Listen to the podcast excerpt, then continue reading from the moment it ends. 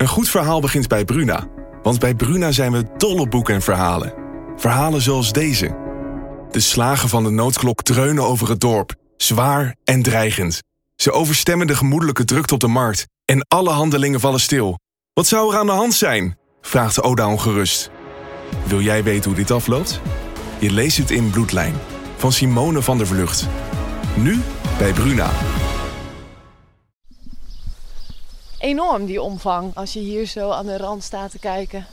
Ja, als dit eh, ja, 150 bij 150 is het, zo schat ik in. Dan als dit dan een gebouw, een gebouw van 150 bij 150 met een enorme binnenplaats, allemaal kinderen, moet die best ook druk geweest zijn. Ja, dat denk ik ook, ja. Ja, dat lijkt me ook heel gek wel. Dat je dan dus inderdaad al die kinderen in een kluitje op elkaar, verder niks. En oh ja, daar staan nog wat dienstwoningen. De bevlogen generaal Johannes van den Bos bedacht 200 jaar geleden een revolutionair systeem. Arme paupers uit het hele land werden naar koloniën op het platteland gestuurd met een belofte. Je krijgt er een huisje en een stukje land. Je leert te werken, voor jezelf zorgen en krijgt zo de ultieme kans op een beter leven. En dat platteland? Dat was hier, in Drenthe. Ik weet niet hoe het met jullie zit, maar ik krijg kippenvel. Ik vind het echt een heel gekke sfeertje hier hangen. Ik voel de geesten van al die... Nee, dat is misschien een beetje overdreven, maar ik vind dit wel... Nou, een gek gevoel geven dit veld. Ik, loop hier dan eh, rond als iemand die hier opgegroeid is. En voor mij is dit de norm. En ik hoor vaker mensen zeggen, nou, ik, voel dat grimmige sfeertje hier wel. Uh, ja, ik kan me wel voorstellen dat je dat zo ervaart. In de podcast De Koloniën nemen Stef en ik, Leonie, je mee op een tijdreis door de koloniën van weldadigheid. Hoe was het eigenlijk om daar als armoedzaaier te leven? Welke sporen uit het verleden vind je er nu nog terug? En wat kunnen we er 200 jaar later eigenlijk van leren? We gaan op zoek naar de erfenis van dat revolutionaire plan van die bevlogen generaal. De maatschappij van weldadigheid. We zijn met onze gids Peter Bos in Veenhuizen. Peter organiseert wandelingen door het dorp, waar hij zelf als zoon van een gevangenisbewaker geboren en getogen is. Zes jaar na Frederiksoord ontstaat hier de kinderkolonie. Weeskinderen uit het hele land worden hier naartoe gebracht. Drie gestichten stamt Johannes van den Bos uit de grond tussen 1823 en 1825. Wezen, vondelingen en verlaten kinderen. In Veenhuizen is er plek voor 4000 van hen. Je vraagt je ook af, waarom begonnen ze niet met eentje? En kijk eens hoe dat gaat. Ook direct dat ze er drie aanleggen, dat vind ik ook wel gek eigenlijk. Ja, ja uh, dan zou je in de politieke of in de, in de, maatschappelijke werkelijkheid van die tijd misschien moeten duiken. Maar ik kan me voorstellen dat het gewoon een enorm aanbod was van weeskinderen. En sterfte onder, uh, onder alle leeftijdscategorieën was, een, ja, was een, een, groot fenomeen. Ja, je, je ziet zoveel wezen dat je denkt, nou we kunnen rustig bouwen, want er zijn er genoeg. ja. ja. ja. Doordat zoveel armen aan het begin van de 19e eeuw niet meer voor hun kinderen kunnen zorgen, puilen de weeshuizen uit. Het onderhouden van die weeskinderen en vondelingen kost steden en gemeenten klauwen met geld. En er is natuurlijk min of meer, ik denk dat er ook een perverse prikkel in zat. uh, want als je op het moment dat weeskinderen uh, bij de maatschappij van weldadigheid waren ondergebracht, kwamen ze niet meer ten laste van het gemeentebestuur. Ja, het was voor de weeshuizen ter plekke, dus in het, door het hele land, best aantrekkelijk om er een, een deel van het probleem, want ze zaten misschien zelf overvol, hier naartoe te sturen. Ja. Dat, dat is wat je bedoelt eigenlijk. Dat, ja, dat is wat ik denk. Op sommige plekken in Veenhuizen voel ik zelf een grimmig sfeertje. En vaker ervaren bezoekers zo'n naar gevoel, zegt Peter. De gestichten waren dan ook bepaald geen hotels, zo lezen we in archiefstukken. Zoals in dit conceptbesluit voor de huishoudelijke inrichtingen, geschreven door Johannes van den Bos op 8 november 1823. In het instituut wonen uitsluitend weeskinderen. Jongens en meisjes worden van één gescheiden door middel van een hek dat het plein doorsnijden zal. De wezen worden op basis van hun leeftijd en krachten in klassen ingedeeld. Iedere klasse betrekt een afzonderlijke zaal. Het onderhoud van de kinderen berust hoofdzakelijk op hun eigen arbeid. Iedere klasse is verplicht om wekelijks een zekere som geld te verdienen. De kinderen van 6 tot 9 gemiddeld 7 stuivers, van 9 tot 12 jaar gemiddeld 14 stuivers en de kinderen van 12 tot 16 jaar 21 stuivers. Ieder kind dat meer verdient dan hem opgelegd, krijgt daarvan een derde zakgeld. Een derde wordt door de maatschappij voor hen opgespaard op de bank en het laatste deel gaat naar de kas van de maatschappij.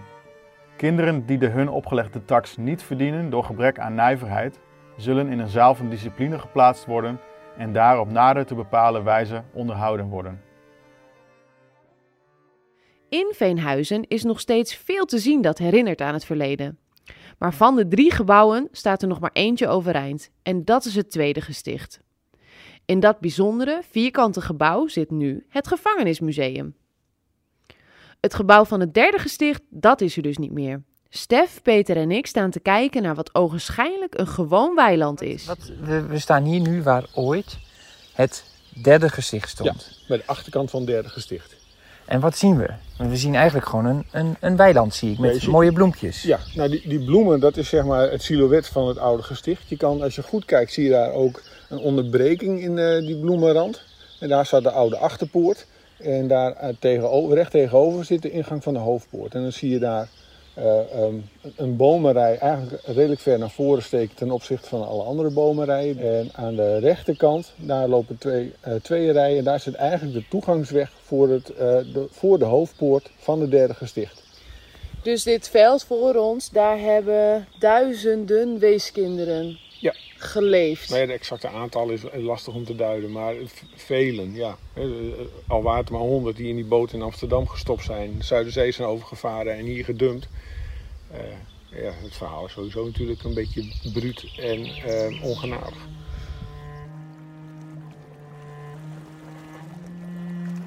.4 februari 1846, Amsterdam. Lise Muller, 16 jaar, staat op een kade in de stad te kijken naar een schip. Naast haar staan haar broertjes Willem van 14 en de 12-jarige Karel. Het schip zal straks uit Amsterdam varen met de kinderen Muller aan boord. Over het IJ en de Zuiderzee naar Zwartsluis en Meppel. Om in Meppel over te stappen op een Drentse trekschuit richting Veenhuizen. Het is een reis die de kinderen helemaal niet willen maken. Maar er zit niks anders op. Hun beide ouders zijn dood en familie woont niet in de buurt. Hun moeder, Maria Rudolfs, was lief en zorgzaam. Ze overleed vier jaar geleden na een lang ziekbed, veel te jong. Hun vader, de in Duitsland geboren meubelmaker Johan Muller, deed wat hij kon om zijn kinderen desondanks een zorgeloze jeugd te bezorgen. Maar ongeluk blijft het gezin teisteren. Alle kinderen worden na elkaar ziek. Het is de tyfus. Het leven van de toch al ziekelijke Willem hangt zelfs aan een zijden draadje. Hij overleeft gelukkig. Maar als vader hoort dat zijn liefste broer dood is, stort hij volledig in. Hij draait door en komt er nooit meer bovenop. Voor Willem en Karel zit er na de dood van vader maar één ding op: naar Veenhuizen. Lise, steun en toeverlaat van haar jongere broers, kan zichzelf inmiddels goed onderhouden met haar baan als dienstmeid. Eén ding is zeker: haar broers laat ze niet in de steek. En dus staat ook zij vandaag op de kade in Amsterdam.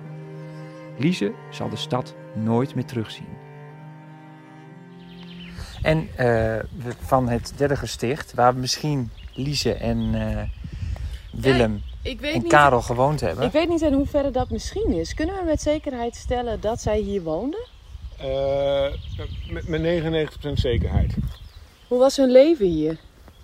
Eh, wordt omschreven als hard. Veel werken. Eh, eh, die groepsdynamiek hè, van, van jonge kinderen onder elkaar, dat is natuurlijk een genadeloze. De vaders, hè, zoals de, de opzieners, dan de, de, de andere kolonisten die, die toezicht moeten houden op die wezen. Dat waren vaak ook niet de meest pedagogisch onderlegde mensen. Dus ik denk niet dat ze een prettig leven hebben gehad. En dan was het ook nog voornamelijk arbeid, aangevuld met verplicht onderwijs. Dus het enige positieve wat er echt van te zeggen valt, is dat ze hier al leerplicht hadden voordat de leerplicht landelijk was ingevoerd. Het idee in de kinderkolonie is dat weeskinderen in staat moeten zijn voor zichzelf te zorgen. Van hun zesde tot hun veertiende jaar krijgen ze onderwijs, maar ze moeten vooral ook hard werken. Omdat Lise al 16 jaar is, wordt ze in Veenhuizen meteen aan het werk gezet. Ze moet garen spinnen in de fabriek. Het lichamelijk zware werk vindt ze maar niks. Ze is niet gewend om bij een spinnenwiel te staan, En bovendien voelt ze zich helemaal niet op haar gemak bij de andere spinsters. Als het hoofd van haar afdeling Lise vraagt of ze voortaan zalen wil schoonmaken, aarzelt ze geen moment. Die klus past veel beter bij haar. Bovendien kan ze het goed vinden met de andere zaalwacht. Zo went Lise steeds meer aan het leven in Veenhuizen. Maar haar jongere broers hebben het zwaar. Elke dag komen ze haar meteen na school opzoeken om zich te beklagen over pesterijen en het vieze eten. Lise heeft medelijden met de jongens en probeert ze zo goed als ze kan op te beuren. Er komen echt betere tijden, houdt ze ze voor. Zelf gelooft ze het soms ook maar amper. De omstandigheden in Veenhuizen zijn, vanuit de 21ste eeuw bekeken, primitief. De kinderen slapen in hangmatten en krijgen eenvoudig eten. De hygiëne is ondermaats. Driemaal wordt de kinderkolonie getroffen door Aziatische braakloop, ook bekend als cholera. Want wat was cholera voor ziekte en hoe kwam dat hier?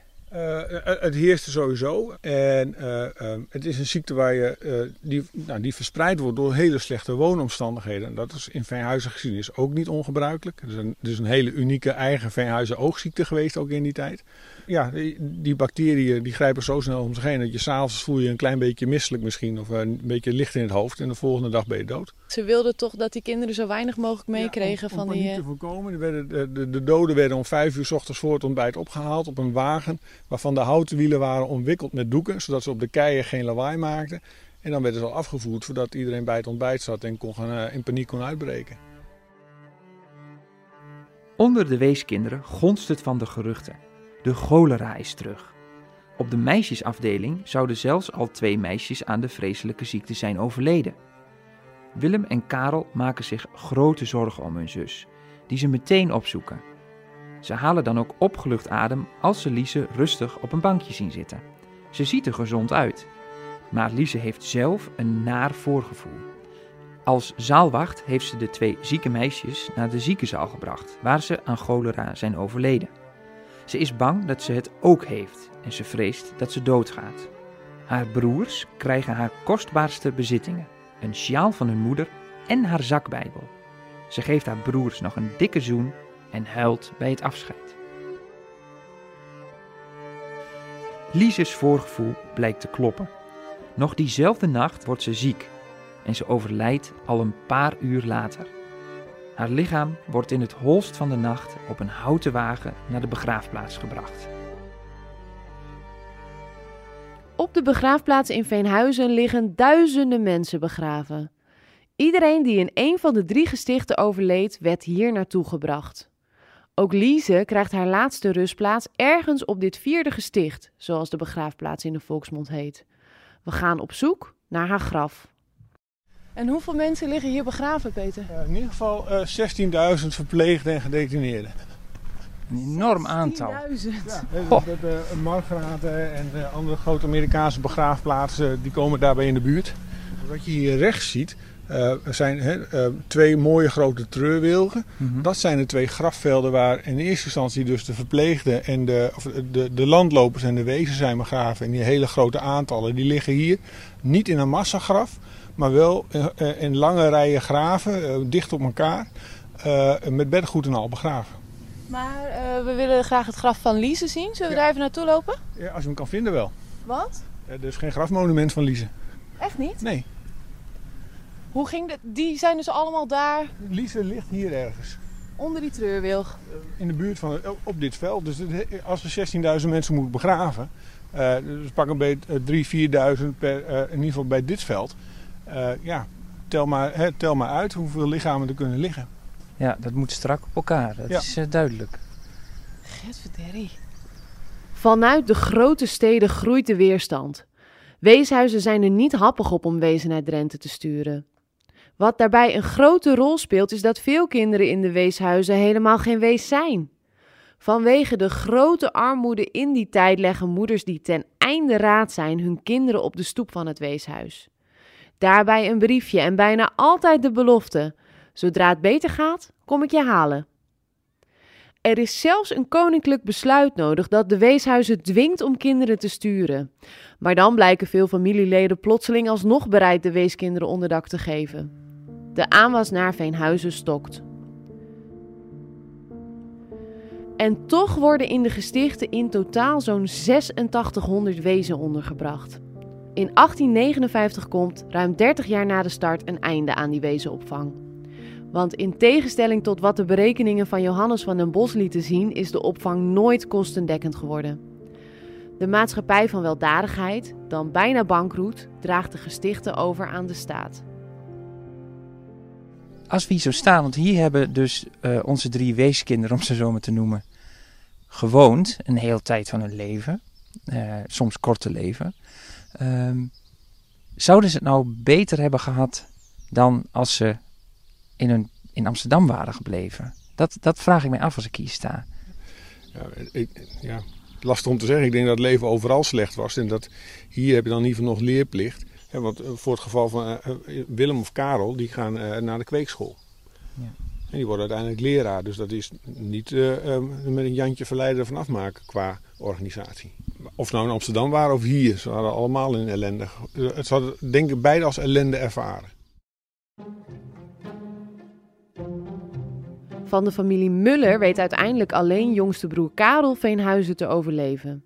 Ook Willem overlijdt in 1854.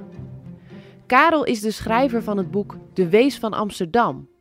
Het is dankzij dat boek en de goed bewaarde archieven dat we het verhaal van de Mullers nog steeds kunnen vertellen. In de volgende aflevering verlaten we Drenthe en reizen we af naar België. Hier is een gevangenis. Wist jij dat? Ja. Oh. Superhoge hekken, zoals de gevangenis betaamt, maar dan een gebouw dat er niet echt uitziet als een gevangenis, want helemaal wit. Ja. Uh, het ziet eruit alsof het wel een likje verf kan gebruiken, eerlijk gezegd. Ja, je hebt idee als je daarin zit dat je er nog wel een keer uitkomt als je een keer goed tegen de muur duwt. Nadat Johannes van den Bos in Drenthe en Overijssel zijn kolonie had opgezet, breidde hij uit naar de zuidelijke Nederlanden. We bezoeken daar de wortelkolonie, die inmiddels ook op de werelderfgoedlijst staat. Ja, dit is dus de voormalige landloperskolonie. En dat is nu onderdeel, denk ik, van, de gevangenis, van het gevangeniswezen hier in de buurt. De maatschappij van weldadigheid komt in Wortel niet echt van de grond. Nadat België zich afscheidt van Nederland, gaat de Belgische tak van de maatschappij zelfs al snel failliet. De Belgen transformeren de kolonie vervolgens. Vanaf 1870 worden er landlopers geplaatst. Wie op straat loopt in België en te weinig geld op zak heeft om een brood te kopen, wordt naar Wortel gestuurd om te werken. Dit systeem blijft bestaan tot in 1993. Dit was aflevering 3 van de koloniën. Een podcast van Dagblad van het Noorden over de koloniën van weldadigheid, die zijn benoemd tot UNESCO Werelderfgoed. Mijn naam is Leonie Cinema en ik maak deze podcast samen met mijn collega Stef Bekhuis. Regie en montage zijn in handen van Renate Winkel. Speciale dank aan onze gids en geboren Veenhuizer, Peter Bos. Vond je het nou een mooie podcast? Laat dan een recensie achter in de podcast-app.